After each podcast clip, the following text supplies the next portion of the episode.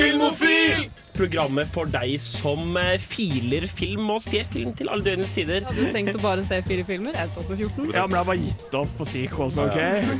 Ikke det Ringenes herre, så ser jeg det. Jeg har stor respekt for Nicolas Cage. Men filmen, den var dårlig. Det er bare å gjøre det. Herregud, jeg er veldig klar over at det showet er skitt.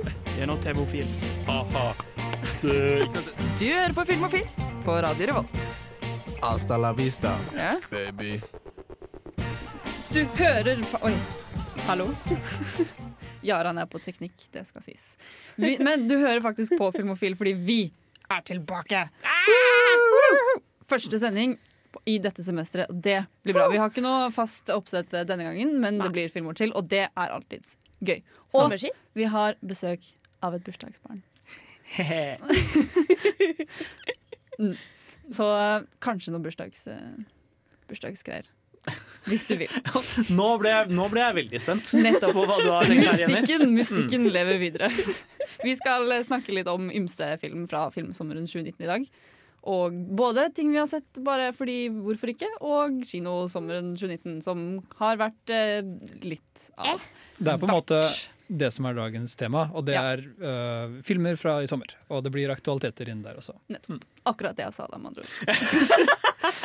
Men det er fint å gjenta det. Vi skal i hvert fall eh, begynne snart. Med meg i studio så har vi da Jaran? på teknikk. Jiha! Han er helt alene i dag, da. Ja, Oi, så wow. hvis det, er, hvis det er teknisk feil, så er det bare jeg og bare jeg som har skylda. Ja, og ingen som kan hjelpe deg heller. Nei, vet du hva? vi- Da må jeg bare stå her, og så må det være skikkelig kleint kjempelenge. Men Neida, det er ikke Det gleder vi oss til. Jeg flyr over bordet her. Men vi har også med oss som sagt bursdagsbarnet. Jeg heter August. Ja, Mm. du gjør det. Vi har også med oss Besta. Trine. Hei. Og meg. Men vi, hva heter du? jeg heter Jenny. Uh, vi, men jo, vi har også tatt en prat med Svein Inge fra Cinemateket. Og dere skal få høre et intervju vi har tatt med han etterpå. Eh, men først skal vi høre en låt. Vi skal høre Lill Halima med 'Booty Feet Kanto'. Vi har nå i studio besøk av Svein Inge fra Cinemateket. Så vil du litt, fortelle litt om hva Cinemateket er? Ja, gjerne det, og tusen takk for at jeg har fått eh, komme i studio til dere. Mm. Eh, Cinemateket er jo Trondheims egen uavhengige kino. Får si byens andre kino, sammen med Trondheim kino. Vi holdt til vi, ved Olavshallen, altså i bygningen som Olavshallen ligger i. For Kinoen ligger ut mot gata mot Olav Tryggvasons gate, så å si rett vis-à-vis Nova kino. Så det er for oss filminteresserte ganske lett å finne fram. Ja. Her har vi eh, satt opp en egen kinosal med rundt 50 plasser. Egen bar med servering til alle arrangement, og stort sett uh, veldig god trivsel i lokalene. Så nå er vi i gang med mm, et uh, nytt semester as we speak. Mm. Nytt semester, nye filmer. Em, kinoen vår er jo først og fremst en eh, arena for filmhistorisk eh, eh, formidling, men det er jo i like stor grad en premierekino, og en kino som viser nye filmer. Så, så det er jo det vi tenkte vi skulle prate litt om her. Mm. det er jo det, både det nye og det gamle på repertoaret som vi har sluppet for august og september nå i første omgang, og så kommer programmet måned for måned utover høsten. Ja, er det noe Dere har jo lagt ut et par filmer, eller publisert en del av programmet allerede. Er det noe dere ser frem til å vise i høst? Ja, veldig mye. Um, og vi kan jo ikke snakke detaljert om alle uh, filmene og alle titlene vi har uh, på, rikt- på blokka her. Rikt utvalg. Um, men uh, som sagt så, så får vi ofte sjansen til å vise noen nye filmer. Um, ting som vi håndplukker sjøl. Det er litt av tanken bak det, at vi velger det vi syns har høyest kvalitet og er mest interessant for, uh, for de filminteresserte, og for byens befolkning generelt, selvfølgelig. Um, så et par ting jeg har lyst til å trekke fram der, det er jo at vi allerede om uh, en uke har en uh, førpremiere på en ny norsk spillefilm som heter 'Hjelperytteren'. Den uh, kommer på kino neste fredag. Vi har en visning dagen før, altså på torsdag den 29.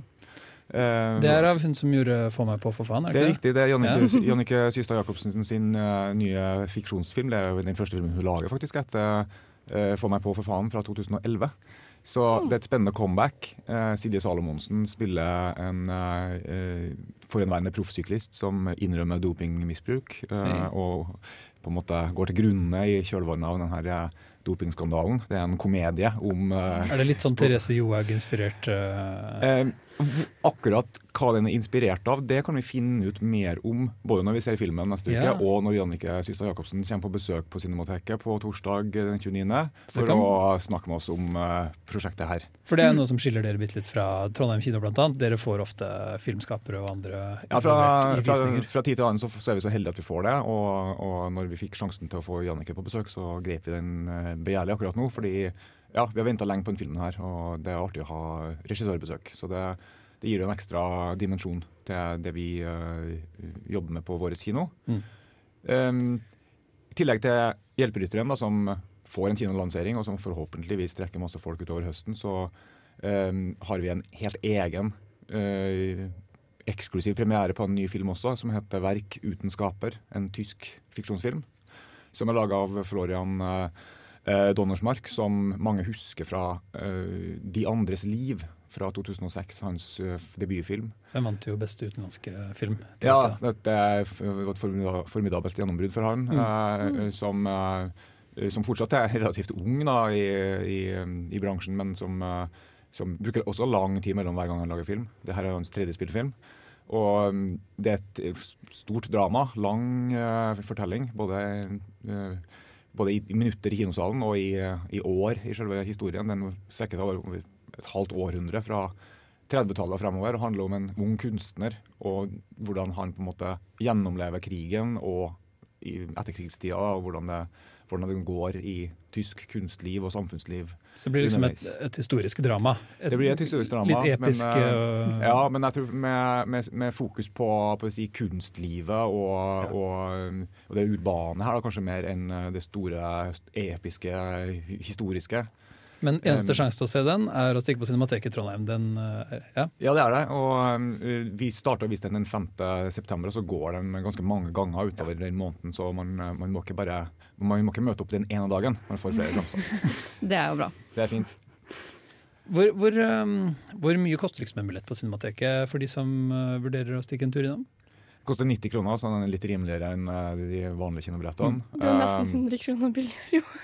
Ja. ehm, vi har eh, valgt å holde prisnivået litt sånn jevnt uh, over lang tid. Ja. Um, til tross for at også våre kostnader generelt øker dramatisk nesten for, fra år til år. Så det er viktig for oss å, å være et tilbud som er uh, aktuelt for mange i samfunnet. Studenter naturligvis, som, eh, som har begrensa med midler til å bruke på kultur. Spesielt siden tilbudet til studentene er så ekstremt stort. Så må man jo velge med omhu det som eh, pengene skal gå til. Ja. Og da håper jeg at eh, billettprisen i hvert fall ikke skal være noen hindring for å komme ned til oss en tur. Nei. Um, tillegg til at vi tilbyr veldig gunstige sånn type sesongkort for, uh, uh, for en billig penge, som gjør at du kan se så Ja. mye du vil for 600 kroner Ja. i et halvår. Så har dere et veldig fint lokale hvor det er veldig deilig å kunne henge litt før etter filmen. Ta en øl eller et glass vin. Ja. Den typen ting. Det var jo det var det store målsettinga for oss når vi bygde den nye kinoen. kinoen at vi skulle bli et møtested for, uh, for alle filminteresserte og for dem som uh, var på besøk til oss. Og at du skal oppleve noe annet uh, når du kommer ut og inn i salen enn det du gjør til vanlig. Så det er vi veldig fornøyd med. Og fortsette å flikke og, og jobbe med, med baravdelinga også utover uh, sesongen her. Ja, det er vel sikkert noe studenten også vil sette pris på, i tillegg til en billig penger for film. Ikke sant? Men er det noe mer enn filmene du har lyst til å trekke fram ved Cinemateket? Dere holder vel på med andre ting også? Ja, det gjør vi. Vi eh, åpner ofte opp uh, lokalene våre for andre arrangører. Altså, vi har konserter både i bar og i kinosal. Og vi arrangerer filmquiz. Uh, vel å merke så er det Trondheim Filmklubb som arrangerer quizen. Uh, våre gode venner og samarbeidspartnere. Filmklubben eh, har jo funtes i Trondheim i over i nesten 60 år. Eh, og en veldig eh, tradisjonsrik forening eh, som Cinemateket skylder veldig mye. Eh, eh, og det er derfor vi er så glad for at de kan være hos oss og vise film og arrangere quizer. eh, og ha ting eh, på programmet her eh, i hvert fall annenhver uke. Så det er veldig berikende. Så quizen eh, siste onsdag hver måned Ja. er alltid veldig populær. Så jo, det skjer en god del ting som ikke er helt vanlig cinematekvisning også. Og Og Det er et budskap vi gjerne sender ut da, til, til dem som lytter på Radio Revolt, og til alle andre. at hvis man har en idé, så er det bare å ta kontakt. Og det er også fullt mulig å bruke Cinemateket til private arrangement, eh, studentrelaterte aktiviteter og, og sånne ting. Vi kan jo tease litt eh, fort nå, at, eh, uten å love altfor mye, at vi har tenkt å bruke Cinemateket litt i løpet av dette semesteret, forhåpentligvis. Mm. Det ser jeg veldig veldig frem til. Det tror jeg blir kjempekult. Det bare håper følg jeg virkelig. Det hadde vært veldig morsomt- å få Filmofil på, på lufta fra Cinemateket. Absolutt. Eh, før vi avslutter eh, intervjuet, så er det noe annet du har lyst til å nevne til eh, lytterne? Noen andre filmer de kan glede seg til, eller? Ja, det uh, vil jeg gjerne. Vi har jo uh, klassikere på programmet i august og september også. og fått nevne et par av titlene som vi syns er viktig å fortelle om. er jo filmer som eh, ikke nødvendigvis er valgt fordi at de har et jubileum, men eh, det er jo også en grunn til å trekke fram eh, kjente og halvkjente eh, ting fra filmhistorien. Mm. Men av de største, jeg vil si, eh, største titlene vi har i den kommende perioden, så er jo 25-årsjubilanten Pulp Fiction, som vi viser nå allerede denne uka her. Kanskje Tarantino mest, har jo eh, en ny film det ute mest også. aktuelle, da, i og med at uh, Once Upon a Time in Hollywood har kommet. Og, uh, og det blir interessant å se Pulp Fiction i lys av den nye filmen, og se hvordan den står seg. Mm. Um, I tillegg til at uh, Easy Rider av Dennis Hopper uh, fyller 50 år i år og har kommet i en ny- restaurering som vi får sjanse til å vise.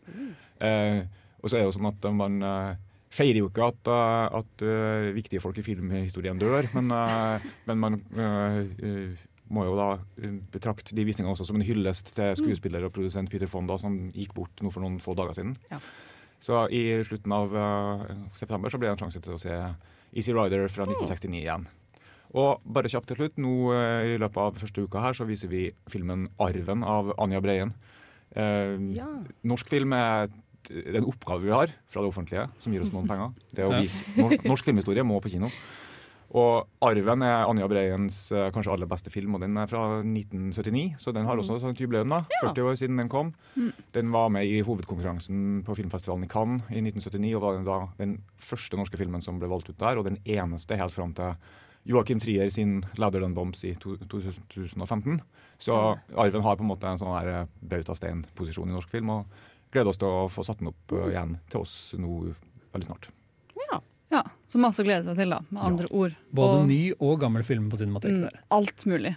Da, da sier vi bare takk til Svein Inge for at du kom på besøk, og takk til Cinemateket. Og da tar vi kanskje turen til Cinemateket en gang Ja. i høst. Vi ses nok igjen. Vi er fortsatt filmofil. Og for den observante lytter så tok vi oss en eh, tur inn i tidsmaskinen vår i sted. Og eh, hadde intervju med Svein Inge fra Cinemateket, da, som var veldig hyggelig. Ja, det var det. Jeg had- ville bare ha en unnskyldning til å nevne tidsmaskinen, og da tok jeg muligheten da jeg fikk den. Jeg tror den skal komme tilbake i løpet av året. Mm. Det er bare å sjekke ut. Facebook-siden vår, så, så, så skjønner dere hva vi mener. Følg Ja. oss på Facebook, følg oss på Mm. Instagram, og søk um, Søk Samfunnet og søk uh, Studentradioen. Og søk filmofil. Ja, søk. Ja, for, Særlig filmofil. mm, og da kan du bli en del av denne herlige gjengen. Minus August, da. Men uh, han kan dukke innom. Du kan få møte August Jeg hvis du kommer vil. til å plage dere ut året og inntil jeg er ferdig med masteren, kommer jeg til å stikke innom og krasje filmkveldene deres og alt mulig. Ja, ja. Men vi skal ikke snakke om det. Vi skal, eh, selv om det Ja, unnskyld, August. Jeg liker det best om, når vi snakker om meg. Men nå skal vi snakke om Jaran. Fordi Hva har du sett i sommer som du har lyst til å trekke fram? Jaran? Jeg har sett masse, men Mm. jeg har lyst til å nevne en film. Men ikke nevn alt på en gang. Da. Nå skal, jeg skal bare ramse opp en liste. Alfabetisk rekkefølge. Jeg har faktisk sett radio. veldig veldig mye som ville gjort seg godt på radioen, så jeg skal velge en av de filmene som jeg aldri kunne pratet om sånn uansett. Og det er Darius Argentos Deep Red, eh, som jeg fordi det, det handler litt om de som lager Blu-rayene jeg kjøper. Og dette er Arrow, som er et uh, Blu-ray-selskap som driver og skaffer masse gamle kultfilmer. Restaurerer de kjempebra. Virkelig setter sammen gode um, liksom det Blu-ray fullspaket med ekstramateriale og liten booklet med liksom intervjuer med folk som har vært med, og, og liksom folk som har skrevet tekster om filmen. da. Nå gjør så du- Trine glad. Ja, så du kan virkelig liksom bare, Hvis du liker filmen, så, kan, så har du alt materialet for å fordype deg i filmen der på disken. Mm. Og Deep Red er for de som ikke vet hvem Dario Argento er, så lagde han Suspiria. eh, som ble remaket nå nylig. Og, og liksom han hadde en, en lengre periode med, med ganske sånn gode italienske skrekkfilmer, som jeg er veldig veldig glad i. Og det var gøy å se noe av de ti, de tidligere greiene hans, som da er Deep Red, som måtte være den første um, Det er en sjanger som heter giallo på italiensk, som, egentlig betyr, som egentlig bare er sånn billig krim. Det er bare det det betyr. Billig krim. Okay. Og det er på en måte, Han jobber innenfor den sjangeren, men det er første gang han begynner å bruke sin egen stemme i den sjangeren ordentlig. Mm. Uh, det handler bare om en, en utlending, som det alltid er i disse filmene, som er i Roma og er vitne til et drap. Og så istedenfor å legge det fra seg la politiet gjøre arbeidet, så begynner han å snuse litt selv. Selvfølgelig. Uh, men det er Lurt. Bra Mm. tenkt. Italienske skrekkfilmer har en sånn De prater om det i en film, annen film vi nylig har sett, at italienerne i Europa de filmer med at alle les, leser dialogen på sitt eget språk, og så dubber de det over etterpå. Så de, tar, de filmer ikke med lyd, bare, folk dubber over dialogen på engelsk, italiensk, tysk etterpå. Uh, så å, å se gamle italienske filmer er alltid med å se folk med lyden ute av synk. Altså stemmene. Og det, det bidrar til å skape en sånn drømmeaktig landskap. Så jeg er veldig glad i filmer fra den tida og de, den typen italienske filmer, faktisk. Særlig når de er så inspirerte og så bisart klippet sammen, og så sterke farger og så liksom, modig cinematisk språk, da, som Argento brukte før han ble en hack ut av proporsjoner. Ja, han har veldig tydelig estetikk i de eldre filmene sine. Ja, Suspiria og uh, Tenebre og Inferno og Roma Nei, opera, opera. Gikk jo på Cinemateket i vår. Og det de som, er også en eh, veldig god Skrekkfilmene hans er liksom aldri skumle. Og Nei, de er bare veldig mye og Ja. rare. Det er liksom Fargebruken i Suspiria er jo helt fantastisk. Mm. de, er- de er intense og litt sånn drømmeaktige opplevelser. Og det liker jeg faktisk kjempegodt. Så jeg anbefaler Deep Red, og jeg anbefaler å kjøpe Arrow Blu-Rain, Den er godt restaurert. Spørsmålet mitt er bare hvor mye må du investere for å få en slik Arrow eh, Blu-ray? Det er gjerne 100 kroner for en Blu-ray, men Ah, med mindre de er ute av print eller sånn, da. Ja. Jeg kjøpte Killer Clowns from Outer Space noe nylig for, for 250. Blu-ray? Ja, på Blu-ray, som Arrow har restaurert. Det er en kult klassiker, det også. Men det er liksom 100 kroner er jo billigere enn ganske mange andre er, steder. Ja, og så kjøper du en nordisk film Blu-ray på platekompani for 150, og så har den traileren som ekstramateriale. Ja. Ikke sant? Så det at de jobber så hardt for å restaurere Og det samme gjelder Criterion. En vanlig Criterion Blu-ray koster 150 ish. Hvis du kjøper den på Amazon. Og, Og god sånn. ja, jeg liker Amazon eh, for filmen deres, ikke så mye for et, altså, hva skal vi kalle det, etikken deres. Ja. Eh, Så absolutt anbefaler å kjøpe Blu-rayen deres fra andre steder enn Nordisk Film og Scanbox, som er folk som driter i det de putter på, på hva skal vi kalle det, på disken sin. Ja. Men det, er, det har du kost deg med i sommer, altså? Jeg har det. Det er bra. Da har du i hvert fall kost deg i sommer. Du har ikke bare sittet der og vært sånn eh, nei. Skal, skal vi prate om sommeren min da? Ja, det er akkurat det vi skal. Eller så kan vi høre denne låten av Crimson, Crimson Riders med Bokassa.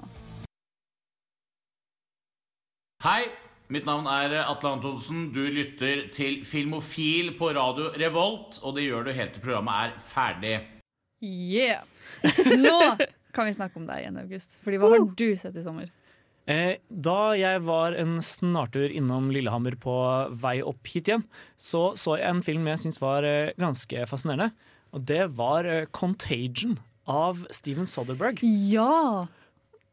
Den har jeg også sett nå i sommer på Netflix, mm. uh, og jeg elsket den. Gjorde du? Jeg gjorde også det. Eller jeg vet ikke helt om jeg klarer å elske den, fordi eh, jeg, jeg, jeg har et litt sånn Jeg syns det er veldig fascinerende at Soderberg i den filmen gikk for å bare ofre tradisjonell historiefortelling til fordel for realisme. Det På grenser på et eksperimentelt skript. Ja, gjør det er, det er, veldig, det er veldig interessant.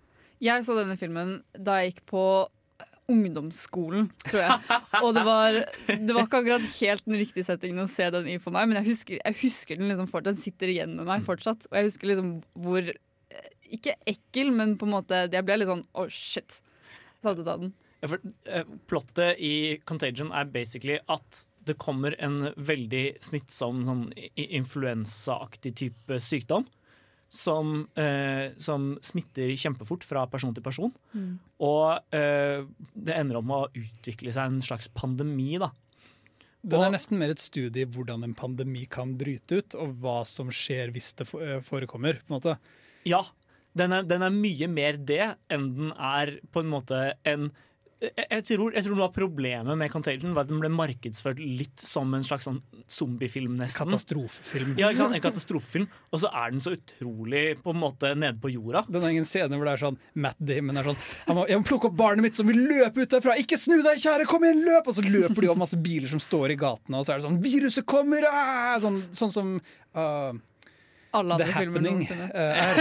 Ja, Hvor det er sånn Nå kommer sykdommen! Den er rett bak oss! ah!» Men, men det, det er ingenting sånn. Det er bare sånn Dattera til Matt Damon er ute og lager snøengler, og så kommer Matt Damon og er skikkelig sinna. Sånn, du må gå inn!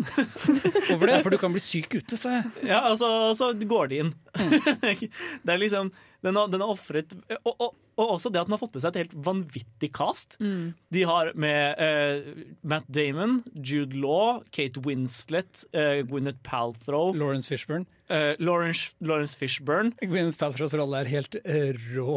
Ja, det, fa- og, og det, er så, det er så fascinerende. De, de, Gwyneth Palthrow dør i løpet av de første fem minuttene. Ja. Det er, sånn, det er Janet Ja, Lee-øyeblikk, ja, liksom. Hvor det bare er sånn Neste gang du ser Gwyneth Paltrow, så er det noen som kutter av henne hodet for en obduksjon. det, det var sånn Oi, oi, ja, dere hadde råd til å ofre henne allerede, ja. Og dette var Men sånn hun er med. Ja, Det men dette var sånn 2005, når Gwyneth Paltrow var stor. Og Marion Cotillard er der. Yeah. Eh, det, er, det er skikkelig sånn stjernespekka film. Eh, og hver eneste birolle er sånn Å ja, det var han, ja! Eller ja, ja, ja. Men samtidig så holder den seg så veldig ned på jorda når det kommer til på en måte, måten historien er strukturert på. Da. Det er bare sånn ja, nå er vi på dag Nå er vi på dag én, nå er vi på dag to, og dette skjer, og dette skjer. Og det er liksom Den er skikkelig, skikkelig eh, realistisk på et vis. Den er nesten vitenskapelig i måten den går fram på, og det likte jeg veldig godt. Jeg tror faktisk vi så den i naturfagen. Jeg tror, det var, jeg tror det var derfor vi så den. Fordi læreren var sånn Nå skal vi lære litt om pandemier og sånn. Da ser vi Contagion. Mm. Jeg tror Soderbergh ville tatt det som et digert kompliment. Ja. Men det er jo litt sånn at man kunne godt sett den i naturfaget nå, fordi som dere sier at den er faktisk litt realistisk. Eller at det er sånn Smitte, men den er litt sånn Hvis du har bakteriefobi, så får du mer bakteriefobi. i denne filmen, For den er sånn Hvis du tar på noen som er syk, så blir du syk. Smitte kommer fra munnen, den kommer fra nesa, den kommer fra skrittet, fra hender. Men uh, apropos Soderberg, det må jo nevnes at den følger veldig sånn Soderbergs 2000-tallsstil. Traffic Og, og, og eh, liksom Haywire, og også litt Oceans Eleven. Ah, Den der, den der med at han bytter fargepalett sånn i ny og ne. Og nå er det blått, og nå er det gult, nå er det grønt. Eh, men, men jeg, jeg syns jo det er tøft. Jeg er svak for eh, regissører som bare er sånn nå skal jeg gjøre min greie. Eh, og særlig når de klarer å holde resten av historiefortellingen så veldig ned på jorda. da Soderberg er en av de få regissørene der ute som fortsatt er tro til seg selv og ikke lager massive type Tarantino-størrelsefilmer. da. Og det syns jeg er kjempespennende. Så du High Flying Bird, eh, som er på Netflix? Nei, jeg gjorde ikke det. Anbefaler så sterkt. Det er en av de beste filmene i år. Den er på Netflix. Men Contagion lå på Netflix nå? Yes. Ja, ok. For jeg tror, jeg tror kanskje jeg har sett det, og så har jeg vært sånn Jeg har lyst til å se den filmen igjen, for jeg husker den var sånn vagt fra ungdomsskolen, og jeg synes den var litt bra. Mm. Den er veldig verdt å se. Ja, det, det vet jeg. Men verdt å se igjen, kanskje også. Vi skal snakke mer om sommeren, men vi skal først høre Girl in Red med I'll Die Anyway. Filmofil! Vi snakker om filmsommeren 2019. Og Trine, har du sett noe spennende i sommer? Ja, jeg har uh, sett en film som jeg Oi. egentlig ikke hadde tenkt å se. Fordi det har vært så mye Hver gang jeg sier at jeg ikke har sett den filmen, der, så har folk blitt sånn ja, men, Folk blir så Akkurat sånn sier de hver Ja, jeg. Jeg, pleier å si sånn hele tiden. Ja. Er, det, er det de folka fra Snoopy som sier det? De voksne sånn. Ja, jeg, jeg snakker bare med folk fra Snoopy. Jeg trodde dere visste det her. Ja. Men jeg har endelig sett Terminator 2. Ja! Har du sett tre Hasta la vista, baby. Det er jo til og med i åpningen vår. Så det er liksom, for Før av så hadde jeg bare sett den originale Terminator, den eneren. Så Det samme har jeg egentlig gjort med Alien. Jeg har bare sett Alien der. Og så, Å, men de er jo begge tilfeller av på en måte, Eller det- det er to av de beste oppfølgerne i filmhistorien, i mine øyne. ja. De blir jo veldig ofte ansett som det. Når folk er sånn nevn en god oppfølger, så er folk først ute med de. Terminator 2. Ja, jeg elsker Det er Terminator. sånn, Terminator 2 er ganske mye bedre enn den originale Terminator. Den er det, ass. Den originale Terminator er ganske bra, for den, den litt sånn skrekkfilmaktig greie. Og så kommer James Cameron i toeren og bare La oss gjøre action action i stedet for Altså- å ha det dritgøy. Terminator 1 er en lavbudsjetts Egentlig bare en sånn campy uh, slokkfest laget av en fyr med mye mer kompetanse enn han fortjente å ha når han lagde den filmen. Skjønner du hva jeg mener? Ja, det var jo den andre filmen han lagde etter å ha laget sånn Piranha Ja. et eller Han, annet. han jobbet for Roger Corman, som jo Mm. veldig mange av de tidlige filmene liksom, Han og Francis Ford Coppola de kommer fra samme skole, Slokk. Mm.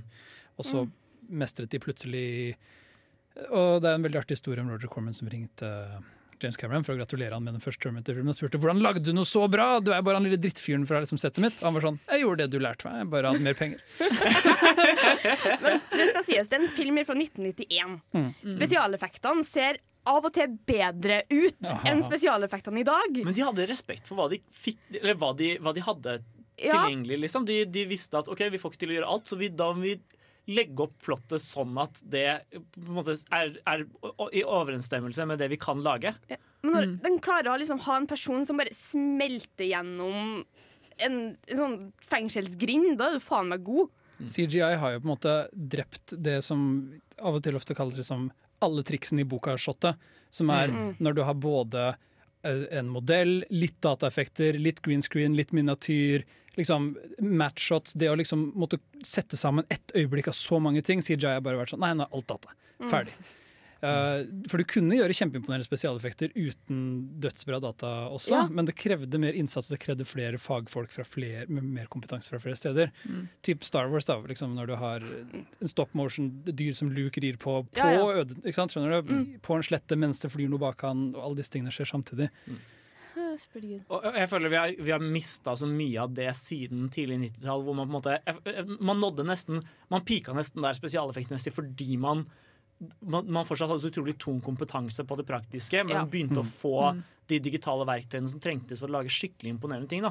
Folk så, var mye mer du forsiktige med å bruke CJM, for de visste at det så ikke bra ut. Ja, og Når du ser Jurassic Park nå, så ser den bedre ut enn Jurassic World. Ja, ja, og det så- er så tragisk. På samme måte som Terminator 2 ser bedre ut enn Terminator 4. Ja, Terminator Genesis. Eh, for ikke å snakke om altså, hva, hva gjør Arnold der? eh, nei, nei, det var, ja, det var Salvation jeg tenkte på nå, kanskje. Salvation er han CGI eh, Ja. bare sånn to sekunder. Men hva, hva er din dom på Terminator 2 sånn til syvende og sist? Er du glad for at du så den? Jeg er veldig glad for at Jeg så den. Jeg var skikkelig, skikkelig glad i den. Det var sånn, ok, det var verdt å se det. Så du Directors Cut, vet du det? Den har en scene hvor Arnold bytter en chip i hodet så han sitter foran et speil, blant annet. Ja. Ja, det er Directors Cutten. Uh, det er også en sånn hvert eneste triks i boka med en dobbel og Arnold og et fake ja. hode og litt dataeffekter. Ja, Få inn tvillingsøstera hennes. Ja, til Linda Hamilton. Mm. Ja. Eh, Men en, en ting jeg har lyst til å bare føye til, er også at den har utrolig sterk følelsesmessig kjerne. Ja, Dette handler på en måte om en gutt som ikke har hatt en farsfigur noen gang, og som plutselig finner det i en Terminator-robot. Og det, den skildrer det utrolig sterkt. Og roboten lærer å bli menneske. Det- Now I know why you cry, er det siste han Ja, men sier. seriøst, det, det koseligste øyeblikket i Terminator er når eh, eh, John Connor lurer en med high five, eller low five, eller hva det er for noe. Ja, altså too slow. Ja, du, kan, du, ser, du ser mikrochipen til Arnold bare Hva, er det? hva skjedde nå? og så gjør de en high five til slutt, og så bare, John Connor bare Au, faen! Helvete! Dritvondt i Dette, var, dette var en uh, hard robot, ja. Ja. Mm. Roboter pleier som regel å være litt harde, da. Har du mye erfaring? Mm, sjukt, altså. Spør, uh, spør Joaquin Phoenix i Her, så kan du kanskje få et svar. Ja. vi skal i hvert fall høre Cosmic Twins med Do You Feel The Same. Det er fortsatt sommer her hos Filmofil. Det, åh, det hadde vært fint. Ja, men det skal bli varmere. Det skal bli sånn 23 grader. Om Åh, nå skal vi ikke være så nordmenn at vi snakker om været. Hva er vitsen med sommer når vi må sitte i klasserommet uansett? Vi må sitte i studio peace. Men i hvert fall, jeg har også hatt sommerferie. Og jeg har hatt en veldig lang sommerferie, for jeg har ikke gjort noen ting enn å se på film basically i sommer. Det er derfor du er med i Filmofil, da. Det er derfor jeg er med i Filmofil. Jeg har blant annet sett Jeg vil bare nevne det, for jeg er litt stolt av meg selv, egentlig. Jeg har brukt det, For jeg har jo ikke sett Game of Thrones. Men jeg fikk endelig sett Game of Thrones i sin helhet i sommerferien. På den ene gratismåneden som HBO gir deg. Vent litt, du så hele Game of Thrones på to uker? To uker, da? Fire uker blir det. Ja. Ah, ja, jeg tror det var Det er én måneds gratis Å prøvetid. ja. To uker, jeg hadde- vant- det hadde blitt litt intenst. jeg vant at det er to uker med prøveperiode. Det hadde vært, det hadde vært spenstig på det to uker. Det var sånn Å, veldig fy faen! Fire uker er fortsatt en solid innsats. Ja, ja. Ja, det skal du ha, Takk. Jenny. Takk. Jeg klapper meg selv Men på jeg, skulderen. jeg antar at du ikke likte det, siden du så alt. Ja, selvfølgelig ikke. Hatet Nei, jeg elsket det. Jeg synes det var skikkelig bra. Og, men bortsett fra sesong åtte, da. Men det, Men vi trenger ikke å snakke det trenger vi ikke å snakke om. Jeg føler vi, vi, er, vi er på en måte Den diskusjonen er på en måte ferdig nå, Ja. egentlig. Og det er jeg egentlig litt glad for også. Men jeg likte, det, jeg likte de andre sesongene veldig veldig godt. For det er sånn Alle har sagt til meg hele tiden sånn, ja, det, er noe du kommer til å elske. Og så var jeg sånn Ja, jeg vet det, jeg skal se det en eller annen gang. Og det var noe jeg elsket. Og det er bare jeg, åh, Det var så herlig å se det. For jeg er så lenge siden jeg har sett en serie hvor det er så mye bra handling. For jeg har liksom bare sett sånn type Friends og The Office og sånne ting i det siste. Prøver du å si at Ross og Rachel ikke er en bra ark? Ja. Når du har sett den sånn fem ganger. da, August. Men jeg har også sett en film som jeg har lyst til å snakke om, fordi jeg tar en trinne holdt jeg på å si, og ser filmer som jeg burde ha sett for lenge siden, men som jeg ser nå. For jeg Og så, serier. Eh, og serier. For jeg så eh, etter anbefaling fra Henning, faktisk. For det var derfor eh, pappa kjøpte denne filmen, fordi Henning snakket om den på sending. Oh, wow. Eh, det var 'Prisoners'. I, i. Mhm. Og den så jeg i sommerferien på hytta med mamma og pappa. Og der, Mamma pleier ikke alltid å se på film med oss, for hun, det blir liksom, hun blir liksom fort uinteressert i filmen, og så går hun etter sånn ti minutter. Hun så hele filmen med oss. Men det går jo ikke an å gå midt under Prisoners. Fordi den er så intens! Jeg har ikke herregud. sett en så intens film på lenge. Det var helt sjukt. Det var liksom, Jeg starta med å sitte ganske behagelig med liksom teppe på meg og sånn, etter sånn ti minutter. Så bare lå jeg på sofaen og bare sånn Hva er det da? Jeg orker ikke mer. For man, ja. Den eskalerer veldig på en måte intensitetsmessig, samtidig som plottet aldri går helt over skaftet. Ja. mm. Og det er så imponerende gjort å beholde Eller å klare å dra den suspensen ut så utrolig lenge som den varer. Ja. Det er, Mm. Det er en Jeg synes det er- en vanvittig prestasjon, hele den filmen. Og en av grunnene til at jeg syns Denis Villeneuve er en av de mest spennende regissørene som holder på om dagen i Hollywood. Ja, og så er det, det det jeg likte også veldig godt med den, var at den er ikke redd for å liksom gå over noen grenser. For det er liksom Altså, Barn i fare er, det er den høyeste steken du kan ha på en film. Ja, Eller for det er sånn, ja, man tenker jo sånn Ja, det kommer til å gå bra til slutt, men med denne filmen her så tenk, man tenker ikke det. Man tenker den her filmen den kan gå hvor som helst. Det er, De er ikke redd for å drepe noen eller uh, utsette noen folk for uh, Heftig tortur. Ja. Men det er jo det som er på en måte filmens kjerne. Er det, moral, den, den stiller et moralsk dilemma til deg, mindre enn til karakterene. Fordi eh, um, Hugh Jackman han driter i det moralske dilemmaet. Han har én ting han skal gjøre, og det er å få redde barna sine. Men den klarer å stille det moralske dilemmaet til deg. som liksom Hele tiden så tar den et skritt tilbake. Den heier aldri mer på Hugh Jackman enn den heier på Jake Gyllenhaal.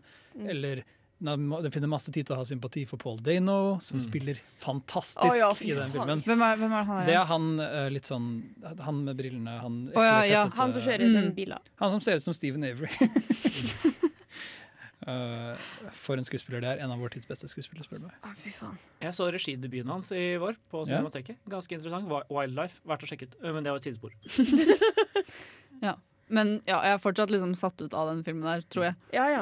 For, eh, Og så har den så perfekt slutt også. den har det. Ja. For der man sitter her, og den, har jo, den varer jo ganske lenge, og så er man jo intens hele veien, og så kommer man til slutten og bare sånn Men jeg vil ha Ja, mer. jeg skal bare si, ikke spoil. Vi, vi klarer å prate om den uten å spoile den. Ja, ja, ja. Og det er verdt å anbefale folk å bare se den og ikke ha spoilere. Mhm. Og du vil ha mer. Fordi Prisoners eksploderte ikke, men den burde ha det, for det var en av de bedre filmene i 2012. Mm. Da den kom Og den, men den var en veldig sånn sleeper hit. Den var litt sånn det, det var en, jeg husker Da den kom, så lå den liksom og vaka nederst på IMDb topp 250. Mm. Og vanligvis så forsvinner de filmene ned på sånn 7,5 etter en stund. Men Prisoners bare ble der. Den har, fort, den, den har ligget på en måte rundt plass nummer 200 eh, helt siden den kom.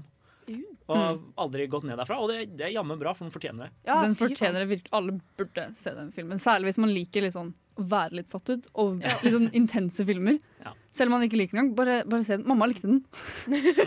Mamma likte den. Men uh, ja, vi skal i hvert fall snakke videre om uh, andre sommerfilmer. Etter Sheer Mag med Hard, Hardly To Blame. Var det Det var slutten, ja. Ja, sånne bråsluttlåter. Ja, Man blir litt satt ut, ok, men vi er i hvert fall filmofile fortsatt. Oi, dæven. Er vi? Ja, vi er faktisk det. Jeg trodde trodde vi var. Scarlett O'Hara fra ja. Vi er det og Eller Minions. Eh, La oss være Scarlett O'Hara. Jeg, Ja. jeg kan stå mer for det. Jaran kan være en minion, da, så kan vi siden, siden du absolutt ville det. Mm. Men nå har vi snakket litt om vår eh, filmsommer med litt ymse. Men det har jo skjedd ting på filmfronten. Mm. I ny, nyhetsmessig, da. Disney kan tar man si. nemlig ikke sommerferie. De gjør ikke det. Og de blir bare større. ah. Føles det ut som. Ja, men Go, nyhetsanker. Fordi det, liksom, det var i forgårs, var på tirsdag. ja, To-tre dager siden. Ja, det var på tirsdag. Så eh, brøyt avtalene mellom Marvel og Sony. Så nå vet vi ikke helt hva som kommer til å skje med Spiderman lenger. Mm, for vi må jo nevne at måte, for de som blir lett forvirra, så eier ikke Marvel alle superheltfilmene superheltene sine. Disney bare kjøpte opp Fox, så de fikk liksom eh, X-Men og Deadpool. Fordi- men Spiderman er fortsatt til Sony. Før superheltfilmen var stort, så var liksom Marvel De bare kasta heltene sine litt rundt og bare 'vær så god, lag penger, det går kult'. Og så hadde Sony Spiderman gjort uh, Toby Maguire Spiderman. Ja. Og så klarte de ikke å gjøre noe nytt med karakteren etter det. Nei, de prøvde med Andrew Men de nekter å gi slipp på Spiderman-rettighetene. Spiderman er jo den mest, en av de mest ikonske superheltene noensinne. Og filmene fortsetter jo å tjene penger. Jeg tror selv The Amazing Spider-Man 2 gikk i pluss, selv om den var dårlig. Fordi det er penger som er problemet her. Absolutt. Fordi liksom, Marvel kom og sa um, Neste Det var vel neste Spiderman-film dere lager. Skal vi ha halvparten av inntektene til? Fordi Marvel skjønte at Oi, Sony klarte å gjøre noe bra. De klarte å, gi penger, de klarte å eh, produsere Into the Spider-Verse. De var sånn Wow, Sony har endelig lagd en film som ikke suger. Vi må passe på å få pengene deres. Ja, og så Far From Home tjente jo godt over én eller to. Jeg vet Ja, ikke hva det den, var. eh, Den tjente bra, i hvert Den tjente bra. Mm. Sånn billion dollars. Ja, Mm.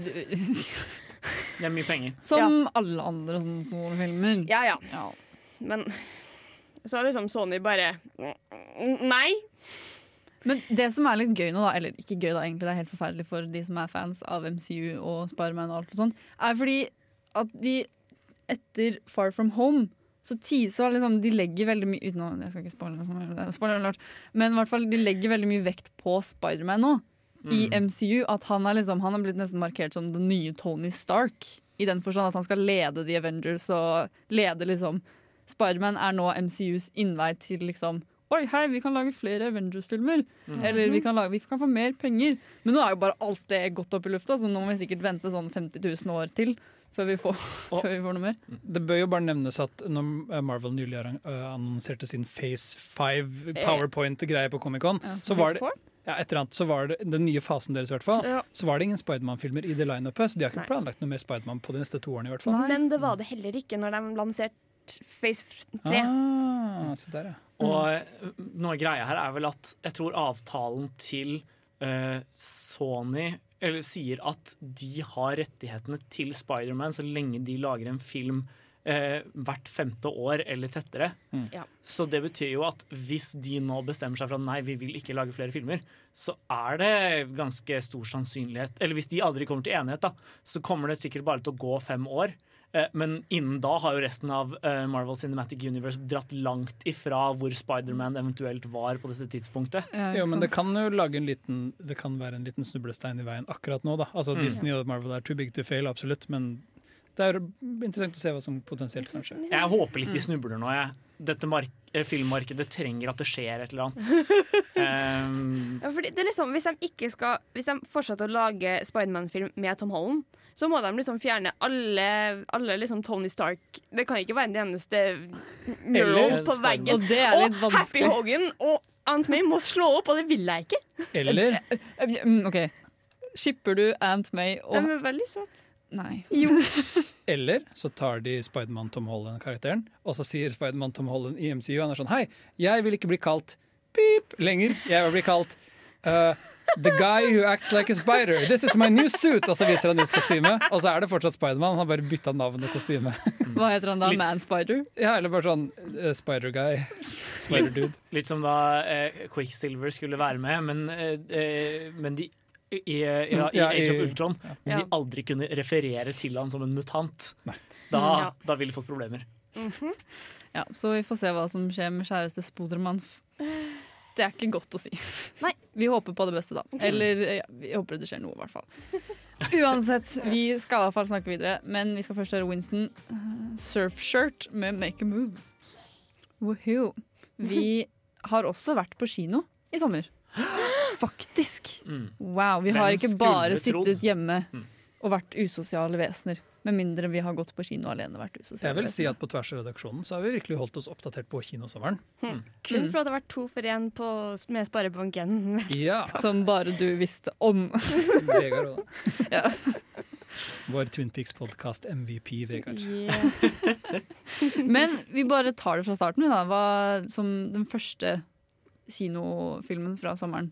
Som vi, Ja, fordi er verdt å snakke om. Da. eh, vi i Filmofil var nesten på nippet til å anmelde John Wick. Henning hadde jo lyst til det. Mm. Men så, mm. så var han, trakk han visdomstenner eller noe, og nå er han ikke lenger. uh, Nå snakker vi ikke om Henning lenger. så Og det var det siste vi hørte fra han. Henning ble aldri sett igjen, han gikk inn på tannlegekontoret. og derfor fikk ikke han sett John Wick 3, men det fikk jeg. Og meg. Og jeg. Ja, Om meg, var det det jeg sa? Ja. Ja.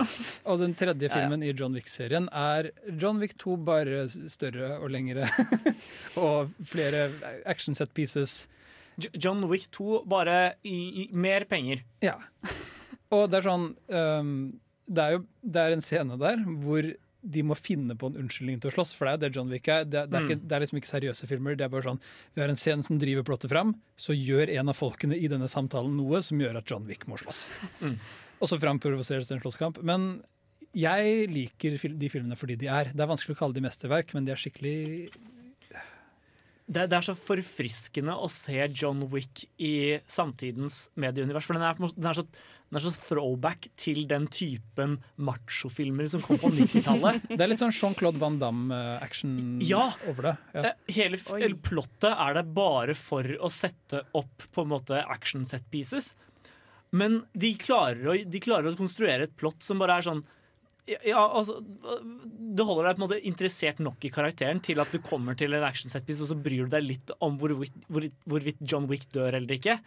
Og det er på en måte nok til at set-piecene får, får leve på egne bein. da De har laget et univers, konstruert et, liksom et univers for sånn Alle er de beste leiemorderne. John Wick er den beste leiemorderen. Vennen hans er den beste leiemorderen. William Defoe er den beste leiemorderen. Alle er bare best på det de gjør. Mm. Og så Så de, de bærer jo liksom dette litt sånn bisarre universet som kun fungerer i film. Mm.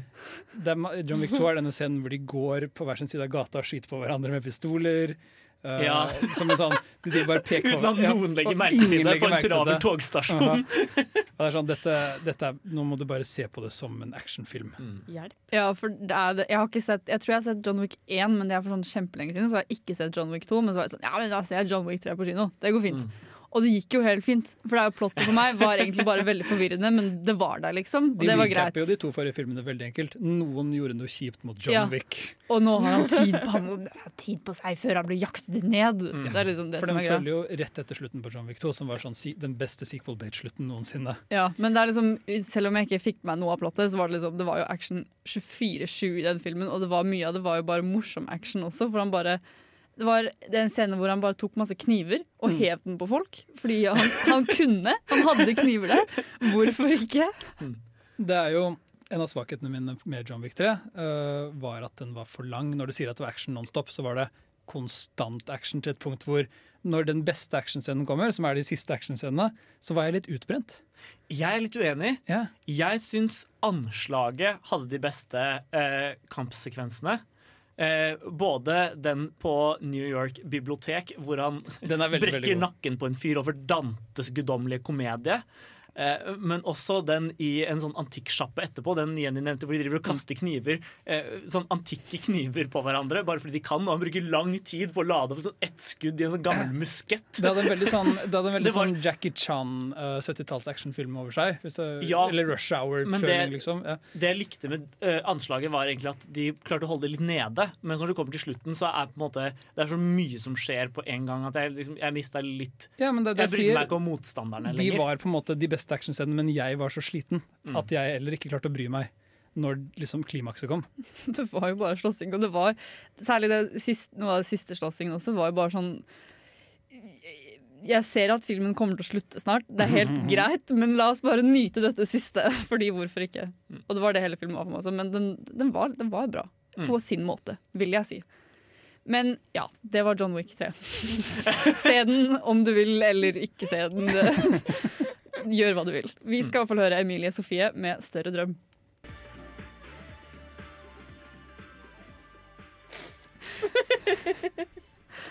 Vi har det Vi lo, vi lo av låten. Ti av ti.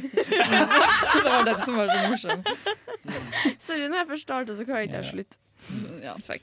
Men det er bra, for nå, nå skjønner de som hører på, liksom litt sånn At vi er morsomme. ja, at å, de har det gøy. De, de, vi forsvinner ikke når vi spiller låt. Er sånn at vi bare Søk, sitter søk, ja. Så søk Kom på. Filmofil. Vær med. Det er Noen gøy ganger så tror jeg egentlig det hadde vært uh, fint hvis vi bare prata over låtene, skrudde ned de litt. Så, så dere, dere, dere der ute kunne få et litt, litt sånn innblikk i hvordan vi pleier å ha det her Ja. i studio. Da hadde man løpt vekk. Mange.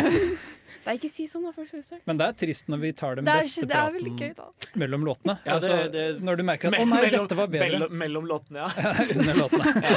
Eh, Dette er ikke den beste praten, og den skjer mellom låtene.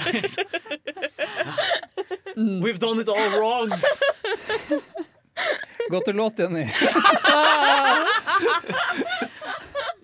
Jeg synes heller, fordi Vi her får tydeligvis ikke nok av uh, kjære Spiderman, så vi skal snakke mer om Spiderman. faktisk Fordi det var jo en film på kino som het Spiderman. Far From Home het den. Jeg glemte det i to sekunder. Ja. Det var jo en film. Det var, det, var, det var en film. Det, det er litt mine følelser for den filmen. Ja, det var sånn, ja, dette, dette var en film. Jeg jeg hadde, jeg hadde litt sånn morsom seeropplevelse med den, for jeg, jeg hadde aldri vært på IMAX før. Og så var jeg Mm. og eh, min kjæreste Sunniva i eh, Berlin en tur. Og på rett ved, rett ved Kulturhovedstaden Berlin. Der så August. Berlin. Eh, men i hvert fall, vi, vi gikk litt sånn tilfeldig rundt, og så fant vi plutselig en eh, IMAX-kino. Eh, og så var vi sånn, å shit, skal vi bare dra på en film? Eh, og det eneste de viste, var Spiderman Far From Home. Så da var vi sånn, ja OK, why not? Ingen av oss har sett Endgame, men vi bare går for det. Ja, men det går helt greit. Det er jo, Du får litt sånn, endgame litt spoila, da. Men det er eh, litt endgame-spoilers der, men altså det, eh. Jeg bryr meg heldigvis ikke nok til at det, det var et problem. Jeg merker at Når jeg gikk ut av kinosalen, så var jeg kjempefornøyd. Så Mm. har filmen sittet en stund, og så får jeg det samme som når jeg så Civil War. Når Spiderman kom og alt ble overskygga. Nå, nå kommer jeg til å spoile en credit-scene i Spiderman, så hvis du ikke har sett den, så får du bare, så får du bare komme tilbake etterpå. Fordi ut av ingenting så dukker plutselig J. Jonah Jameson opp, spilt av JK Simmons. Så for å recappe, spilte Jake, uh, Jonah Jameson i Sam Raimi i Spiderman-filmene tilbake Ja. 2000. Mm. Og jeg trodde jeg skulle dø i kinosalen. Jeg tror jeg var en av de veldig få mennesker som lagde en lyd. Alle andre var sånn hva er dette for? Trine bare Oh my god! Det sitter masse folk der født i 2007 som er sånn Pappa, hvem er han mannen? Hvem er den damen som roper nede på femte rad? Jeg tror jeg faktisk satt der òg. Men jeg var liksom så Fy faen, de fikk den tilbake. Og så gleder jeg meg veldig til neste film, og nå er jeg sånn Hva faen? Fordi, OK, jeg kauka veldig under eh, Jake Gyllenhaal-sendinga tidligere om at eh, Jake Gyllenhaal gikk til Marvel for å dø eller få penger. Og hva syns du egentlig om Jake Gyllenhaal i Spiderman Far From Home? Trine? Men det var det er liksom, Han hadde det så morsomt. Og det så ut Ja. som han hadde det dritmorsomt gjennom hele filmen. Og jeg bare sånn det var så koselig. Han spiller Mysterio, kanskje bare for å Ja, si det fort. han spiller Mysterio. Jeg syns det så ut som han hadde kjempegøy første halvdel, og så syns jeg det så ut som det ble litt kjedeligere mot slutten. Eh, Men mot slutten er jo da han sakte byttes ut med en CGI-dukke, holdt jeg på å si, som du gjør med skurkene jo, jo mer kamp det blir mot slutten. Holdt jeg på å ja, si. eh, og, og den, den delen så virka det ikke som han hadde det så gøy. Men sånn, det, er en, det er en scene hvor han, eh, hvor han får snakke til sine minions, Ja! og det er, det er helt fantastisk. Akkurat, akkurat den scenen, den var, den var god. Resten av filmen, ja, det er helt OK. Men, men akkurat den scenen hvor han, får, eh, han virkelig får liksom vært sitt mest karismatiske jeg, det var veldig gøy. Ja, jeg, var litt sånn, jeg, likte ikke, jeg likte egentlig ikke første halvdel av filmen, men, også, men så tok den seg veldig opp igjen. Men den første halvdelen ødela filmen litt for meg, så jeg sitter igjen med litt sånn eh, følelsene. Men ja ja. Trine likte den, så det er det. Vi skal høre Brenn med Keen. Wow. Spenstig. Det var en avslutning. Den var sluttet ikke brått da, heldigvis. Nei, det var, Det, det er noe. det var ikke en programleders mareritt. Nei. Kan jeg stille deg et spørsmål? Ja, det kan du få lov til. Do you like the Elton John song Rocket Man? Nicholas Cage sier det i filmen The Rock, uh, som er en av mine favorittsitater fra den filmen. Og Apropos det, Aran. Hva skal vi snakke om nå? Jeg tenkte Jeg tror jeg går Vi skulle prate om en kinofilm som har vært ute på kino. Det er en film som har kommet i sommer. Og det er Elton John-filmen 'Rocket Man', biografien om Elton John. Mm.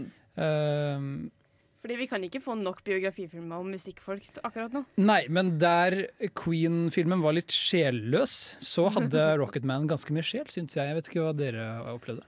Ja, fordi jeg har jo jeg har sagt det på lufta også, så jeg kan ikke akkurat ta det helt tilbake nå. Men jeg likte jo Bohemian Rhapsody et, rett etter at jeg sett den. Mm. For da synes jeg det var sånn, ja, jeg, jeg liker sånne musikalfilmer. Ja, men den er ikke dårlig. Det er Nei, ikke det. Den er men jeg likte den bedre enn de andre i Filmofil, da, kan du si. Og så, men så så jeg Rocketman, og da ble Bohemian Rhapsody dårlig. For du ser liksom plutselig bare hva de kan gjøre bedre. ja. Det var Eller sånn fordi jeg likte visse aspekter ved Rocketman veldig godt. Eksempel hele den åpningssekvensen der hvor de hadde plutselig dratt den til å bli mer sånn uh, der Bohemian Rhapsody bare spilte av sangene for å ha med sangene. Mm. Der tok Rocketman sangene og liksom lagde dansenummer ut av det og gjorde Altså, noe mer med det. da Rocket Man er en musikal. Mm. Ja. Den er en skikkelig musikal.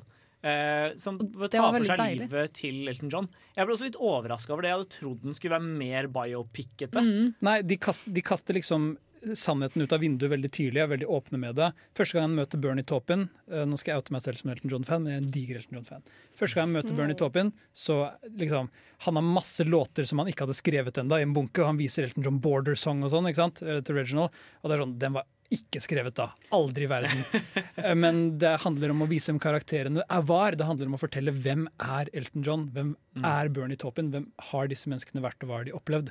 Ja, Det er jo det som er også poenget med disse filmene. Det er Ja. sånn, Hvis du ser på en biopic-film for Jo, det harde fakta, Ja, det så er du kommet Denne feil filmen sier 'drit i harde fakta', mens Ja. Bohemian Rhapsody er litt sånn 'her er de harde faktaene'. Ja, men ta heller å være en dokumentar, da, hvis Ja, du skal skal ha sant? harde fakta, for faen. Og den, jeg synes, nei, men jeg synes den, den lever veldig fint i det territoriet. Som en sånn derre eh, den, er ikke, den er ikke et mesterverk, Hva på noen det måte. sånn- Den bare er en veldig den er bare trivelig Ja. eh, musikal-biopic. Den er litt mm. sånn magisk realisme-sjangeren. Ja, nesten. eller eh, subsjangeren. Den, er ikke- den er ikke redd for å være på en måte eh, visuelt ekspressiv heller, på en måte. Og Taron Egerton, jeg har en svakhet for Taron Egerton. Åh. Jeg var jeg- kjempepositivt overrasket over han som Elton John. Jeg er ikke Ja. så glad i han, men han var, han var overraskende Jeg liker liksom, hva han har liksom som, fått til i det siste som også. Elton. Det var sånn, ja. Jeg likte han veldig godt Jeg likte han veldig godt i den rollen også. Jeg synes han passet veldig bra. også. Jeg tror Elton John også likte han godt den rollen, Det for de har gjort så mye greier sammen etter at han tok på seg den. Nå, nå skal han lese en audiobokinnspilling av Elton Johns biografi. Ja, men de er så søte! De er det. er det. Er Og filmens melding er, altså filmens beskjed, liksom, kjernen er bare 'elsk deg selv'. Ingen andre kommer til å elske deg som du gjør det. Og det likte jeg kjempegodt ved at den filmen bare Mm. holdt seg tro til det ene budskapet Elton alltid har hatt Ja. til verden. Det jeg også likte men en- en Rocketman, fikk meg faktisk til å begynne å høre mye mer på Elton John-sanger. Mm. Det, Ja. det likte jeg veldig godt da med den. Så det, det var en veldig fin film. Vi skal eh, høre en låt. Vi skal høre Faye Wildhagen med uh, I Never Told You. For et program i burra med både klasse og stil. Du hører på Filmofil. Du hører på Filmofil. Vi snakker fortsatt om eh, filmer som har gått på kino. Sånn litt mer aktuelle filmer, da, kan man si. Og nå føler jeg meg faktisk ganske flink, for jeg, føler jeg, har, liksom, jeg, har, sett, jeg har sett mange av disse filmene vi har snakket om nå. sånn. Men ikke eh, jeg, merker jeg. Nei, og nå, nå snur vi på bordene. Fordi Hvilken film eh, har dere sett på kino i sommer, da? Hvilken film var den beste filmen på kino i sommer for deg, August? Det var ja, 'Midtsommer', ja. Ja, ja. Midtsommer. Ari Asters oppfølging til Hereditary. Hans, dette er hans andre film. Mm. Uh, og for en film det er. Den, den, det er så gøy å se at skrekkfilm har um, At det skjer så mye innenfor skrekkfilmsjangeren akkurat nå. Og det er gøy å se at så mange sånne rare skrekkfilmsubsjangere får en liten revival. Fordi folk horror var jo en ting på 70-tallet. ja. Uh, Witchfinder General, Wicker Man og Du Wicker Man remaken. Du merker veldig at The Wicker Man ligger og lurer i bakgrunnen av 'Midtsommer'. Blood on Satan's Claw er en uh, undervurdert sånn sånn folkhorror fra 70-tallet jeg anbefaler sterkt. Uh, veldig artig. For jeg kjenner at jeg liksom har savna de skrekkfilmene der jeg ikke nødvendigvis blir skremt som at jeg sitter og skvetter, men at jeg sitter der og er ukomfortabel gjennom hva, er det da, to timer og 45 minutter eller noe sånt. Den er litt i lengste laget. Jeg tror den er 2.20. Ja, og det, som jeg satt der gjennom hele filmen og bare Det, det, det kommer til å skje noe snart, som kommer til å skje, og så skjer det ingenting! Du er fri for den, den litt sånn James Wan-skrekkfilmstilen som er den Det er et par jumpscares innimellom, og så på slutten så eksploderer hele det skumle huset. skjønner du sånn Ja, Han er god på sånn intervallskrekkfilm. Hvor du er sånn, Nå er det rolig, og så er det veldig intenst, og så er det rolig. Og så på slutten veldig så har du det så Veldig, veldig Ja. intenst kjøpspurt. Alt rister. Mens her er det bare det er, altså det, det er grusomme ting som skjer i filmen, men skrekken er ikke så mye i den faktiske volden, men det ligger mer i følelsene karakterene går gjennom. Ja. For å fort si hva filmen handler om, August, så handler den jo om Det handler om en eh, jente som er i et ganske dårlig forhold. Ganske dårlig forhold. Du merker at det er ikke helt på topp, men hun er veldig glad i han liksom Hun har teite- veldig tung emosjonell bagasje. Filmen Ja. åpner med et av de verste øyeblikkene i filmen, faktisk. ja, hun, eh, Eh, skjer det noe veldig Det skjer noe veldig dramatisk for henne, da, som Mm. gjør at hun blir desto mer avhengig av denne kjæresten sin. på en måte Men filmen etablerer helt fra starten av at hun får ikke oppmerksomheten hun trenger fra han, og at han tror, han tror han er en snill fyr ved å ikke slå opp med henne. Han er Mm. sånn Nei, hun trenger meg, jeg skal bli her for henne til hun klarer å stå på egne ben. Men han vil ut. Men, ja, men han har, han har ikke, ikke investert i forholdet i det hele tatt. Det er et skikkelig dårlig forhold. Og, men i hvert fall, han skal på sånn tur Eller på antropologiekskursjon-ish til Sverige Ja. med antropologivennene sine. Hvor de skal besøke en liten, bortgjemt landsby. Mm. Ja. Som har en sånn veldig spesiell midtsommerfestival da, som de kommer for å observere. Er det derfor filmen heter 'Midtsommer'? Det er Wow. det. I motsetning til Hereditary så er det veldig lite dobbeltmening å hente fra tittelen. Ja. Men, men nå, nå er greia de, de, øh, øh, Han spør liksom henne Han kjæresten da spør henne om hun vil være med litt bare fordi han ikke hadde sagt det til henne, og så finner Ja. hun det ut på en Og så fest, og så blir det han, og så sier han til vennene sine sånn Ja, men jeg spurte om hun kommer, men jeg lover at hun ikke blir med. Hun kommer ikke til å bli med i det hele tatt. Liksom. Nei, nei, nei. Men, så, men hun er jo da så avhengig av at liksom, noen hun, er så, hun har et så sterkt behov for å bli sett og bli hørt, og Ja. bli, som han ikke gir henne, at hun sier jo ja, jeg blir med, så klart blir jeg med. Det er jo kjempebra, blir bedre, være sammen med deg. Og, Ja. Og, Og du, Altså, du begynner- merker du merker jo fort at denne midtsommerfestivalen kanskje ikke helt er det de har eh, eh, den er kanskje litt for mye det de hadde håpet på, disse antropologientusiastene. ja, for de skal liksom Eh, både observere og være med. Deltakende observasjon, som det ja, ene skriver vel en doktorgrad eller noe sånt om Shidi fra The Good Place eh, skriver en doktorgrad. Men eh, i hvert fall, eh, det, det, blir veldig, det blir veldig tydelig sånn suspensoppbygging rundt denne midtsommerfestivalen.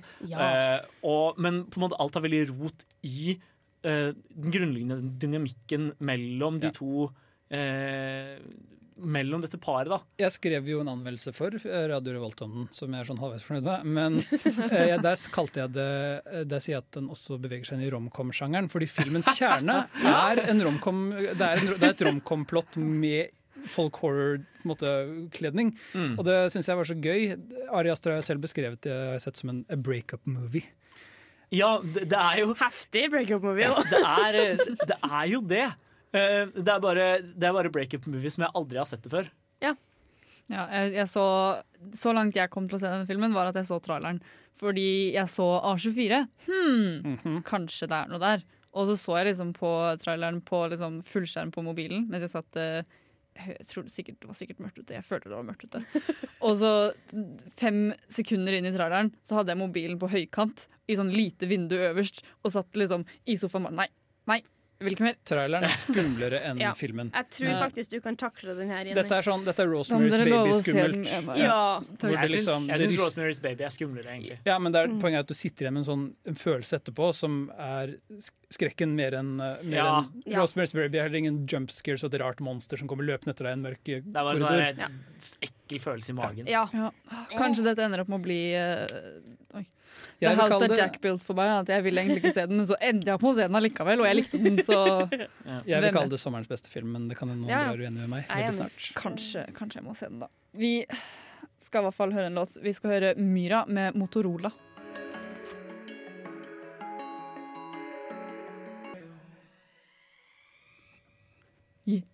Vi Eller Nei, hva skulle jeg si nå? Jeg vet ikke.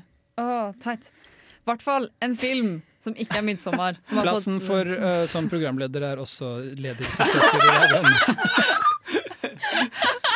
Hvis du har en programleder spyr i magen Greit Men uh, ja, en film som har fått litt mer internasjonal eh, oppmerksomhet, da, kan man si, som også har gått på kino nå, som vi i Filmofil-redaksjonen Som- som går på kino, den Den, kom- går, den går på kino, Den kom forrige forrige uke. Jeg skal se den snart. Jeg gleder meg. Filmofil-redaksjonen minus august. Mm. Akkurat nå i hvert fall har sett denne filmen. Og Vi var det på kino sammen. Var på kino sammen. bare hyggelig at jeg delte popkornet mitt med deg, Jenny. Jarand klarte ikke å spise opp alt popkornet sitt, så han eh, tvang det på meg istedenfor. Men ja, vi snakker da om selvfølgelig Once Upon a Time in prikk, prikk, prikk, Hollywood. Den niende filmen til Quentin Tarantino. Ja, han kan gi seg nå. Once Upon a Nine in Hollywood burde han katten bare for å holde temaet Å nei. Oh, please no. Skal vi bare åpne med å si hva filmen handler om? Vet vi egentlig hva den handler om? Det handler om en fiksjonell øh, skuespiller, spilt av DiCaprio, som Ja. heter uh, Jeg husker bare Cliff Booth. Han heter uh, Jack, Rick Dalton. Rick Dalton. Rick Dalton, Karrieren hans begynner å famle. Begynner å bli gammel. Og han begynner å kjenne det på kroppen. Men det er året er 1969. Det er slutten på denne magiske Hollywood-eraen som ga oss Bonnie and Clyde og Point uh, Blank og alle disse art, litt sånn artistiske, interessante, rare storbudsjetts-studiofilmene. Men studioene bare jeg skjønner, Vi skjønner ikke hva vi driver med. Det er også den æraen hvor billig TV, eh, sånn western-TV, det tok av. Og Tarantino er jo en stor fan av denne perioden. Ja, det kan man, det kan man se. Så det er jo hans, kjærlighets, ja, det er jo hans kjærlighetsbrev til, eh, til den æraen Ja. av Hollywood. Og som et kjærlighetsbrev så funker den veldig godt, syns jeg. Ja, som, som film, hvis du ikke er sånn kjempeinteressert i den perioden og kan litt, så er den litt sånn Jeg må hjem og søke opp ting og se den på nytt etterpå. Ja, fordi Manson-mordene Mødrene, ja. Manson-mordene, eller Manson-kulten Ja. krasjer litt med disse fiktive karakterene spilt av DiCaprio og, og Brad Pitt. Fordi det er tross alt en Quentin Tarantino-film. Og uh, det som da liksom skjer når for det er en scene der som var veldig veldig god, som jeg skal ikke spoile, men det er bare sånn Cliff Booth, eh, Brad Pitt sin karakter, han drar ut til Spawn Ranch, hvor Manson-gjengen Mm. hadde sin lille liksom, kult. Ja. Og det skjedde jo aldri i virkeligheten, at han besøkte den ranchen. Men karakterene som er der, de var jo ekte karakterer. Ja. Så historie og fiksjon blør litt i hverandre. Han har jo laget et, et eventyr, liksom.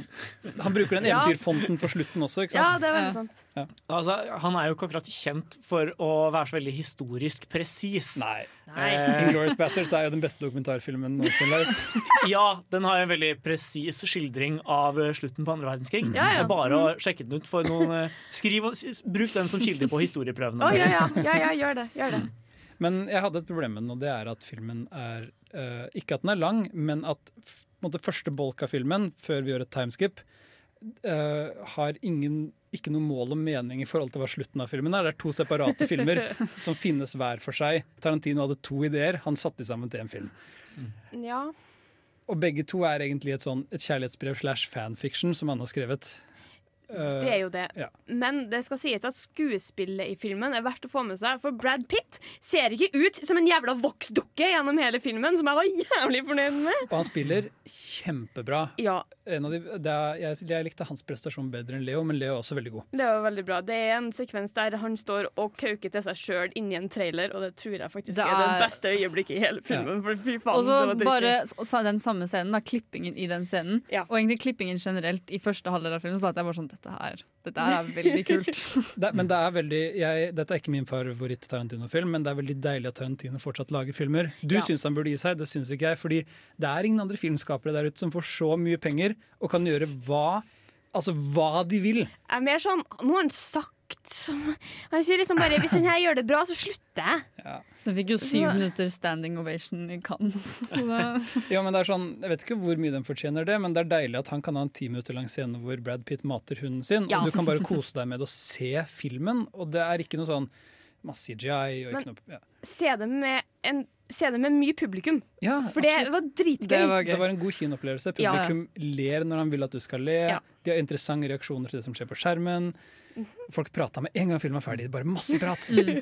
Jeg jeg har et lite spørsmål. Er det, jeg blir ofte veldig sånn Jeg blir ofte litt lei av filmer som handler om film.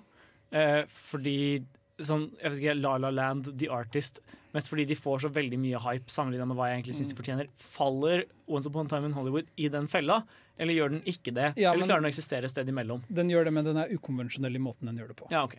Den er litt meta, men jeg digger den. Den er ganske meta. Det er kule metaøyeblikk der. Vi prata jo om uh, Det var en scene hvor Margot Robbie spiller um, Sharon Tate. Og Margot Robbie som Sharon Tate går og ser en Sharon Tate-film. Og så sitter Ja. vi og ser på at Margot Robbie spiller Sharon Tate som ser på Sharon Tate på en film. Det er Det kule metaøyeblikk der. Helt fantastisk. Det er veldig gøy. Se den, se den på kino med Ja. et godt publikum. Det var, det, var, det var verdt det. Vi skal eh, snakke om én film til før vi sier farvel for denne gang. Men først så skal vi høre Lill Halima med 'Booty Feet Kanto'. Som sagt på starten av sendingen, så jeg, jeg, Vi sa at August hadde bursdag, og han har fortsatt bursdag. Du har bursdag. bursdag i dag. I dag er det uh, torsdag uh, 22. august. Ja. Og det er din bursdag, August. Det er min bursdag. August er født i august, alle sammen. Ja, noe annet ville vært latterlig. La oss bare være enige om det. Ja, da måtte du nesten ha byttet navn. Jeg Ja, ikke sant. vil gi foreldrene dine litt minuspoeng for kreativitet. Jeg vil gi de stort pluss for å, for å benytte seg av eh, muligheten som eksisterte. Det er Ja. Men August, har du noe du har lyst til å snakke om siden du tross alt har bursdag? Ja, nei, jeg har bare lyst til å nevne en eh, filmbegivenhet som var viktig for eh, meg i sommer. Mm. Jeg fikk nemlig dra på et par visninger på 70 mm-festivalen for første gang. Eh, For de som ikke har hørt om det, så er det en festival som går av stabelen annethvert år i Oslo, tror jeg. eh, I regi av Cinemateket i Oslo. Og de har veldig gode 70 mm eh, visningsformat. Det er altså det største filmformatet man får tak i. Det er, eh, det er så bredt at du Eller det er så stort at du må vise det på langs på filmrullen i stedet for på tvers. Eh, men det er i hvert fall sammenlignbart med eh, 12K omtrent, tror jeg. Hvis man skal oversette til eh, digitalt. Så det er, det, det, er, det, er veldig, det er veldig pene filmer ofte. Dette er større enn Imax sånn egentlig. Ja, det er, det er, veldig, det er veldig spektakulært. Eh, jeg fikk sett eh, to filmer der. Ja. Eh, jeg fikk sett The Abyss av James Cameron. Som jeg, Den er vel ikke egentlig regissert av, JC? En- Jo da. Å, jeg trodde han bare produserte den. Og var Jeg kan si på han regien på den. Det, men jeg er i hvert fall veldig svak for den. Og så så jeg også en fantastisk dokumentar ved navn Baraka. Som egentlig bare er en slags sånn hyllest til eh, jordkloden og urmenneskene som eh, bor på den. En slags sånn Mm. kritikk av det moderne samfunn, men bare i sånne eh, korte klippseanser. Det er ikke noe dialog, ikke noe Så det er litt sånn à la Koyaniskatski Ja, han, han var inspirert av de, tror jeg. Bare, bare enda større, har jeg inntrykk av. Hvem har laget Baraka, og er det en fremmedspråklig film? Den, eh, altså det, det eneste som snakkes, er jo på sånn ur, urfolksspråk. Ja. Eh, men men, men du, trenger, ikke- du trenger ikke på en måte dialog for å skjønne hva som skjer. Eh, og i tillegg så eh, det, er Den er regissert av en mann ved navn eh, John Frick, tror jeg. Det er samme mann John som lagde Eh, ja, nei, det er samme mann som lagde Samsara. Ja. Eh, som Ja, kom i det 2012. Så den er på en måte en slags sånn ja, spirituell oppfølger, da. Ja. Men i hvert fall 70 mm-festivalen, hvis du får mulighet til å dra på den, gjør det veldig bra. I Oslo annethvert år. Mm. I regi av Cinemateket i Oslo. Yes. Da har vi alle faktaene på bordet før vi hører låten The, Cha The, The Chats av Identity Theft. Vi, vi Der, ja. Vi har vært filmofil. Vi er fortsatt filmofil. Vi er en ganske ubemannet filmofil-redaksjon. Vi er nå tre stykker. Ja. Og det er bare å legge inn en søknad på Tre Samfunnet. faste, men vi har august. Uh, Jeg kommer til å Men- Ja. plage dere Men det er bare å legge inn en søknad på samfunnet.no slash oppdag og klikke seg fram til Filmofil. Fordi å da komme på intervju, og så kan du møte oss. Søknadsprisen er på søndag. Ja. ja. 23.59 på søndag. Liker du å prate om film, så er dette noe av det beste jeg, filmnerden i meg, har gjort. Så anbefales. Jeg har vært her i fire år, liksom. Jeg kommer til å være her en stund til òg. Vi, vi, vi Jeg, jeg prøver gøy. å slutte, men jeg klarer liksom aldri å la være å dukke opp. Så der har du det. Men vi skal i hvert fall også ha sending eh, neste uke. Og hva skal vi snakke om da, Jaran? Vi skal prate om den litt sånn spesifikke actionsjangeren i anledning den tredje Fallen-filmen, 'Angel Has Fallen'. Og det handler om de beste folkene som begynner å bli litt sånn sliten og lei, som hadde quittet gamet, men så er det noe som drar de tilbake inn, og denne gangen er det personlig. Mm. Og i den anledning så er hjemmeleksa, Jenny. Eh, John Carpenter-klassikeren mm. 'Escape from New York'. Ja. Vi har vært filmofil. August har hatt bursdag. Takk for oss.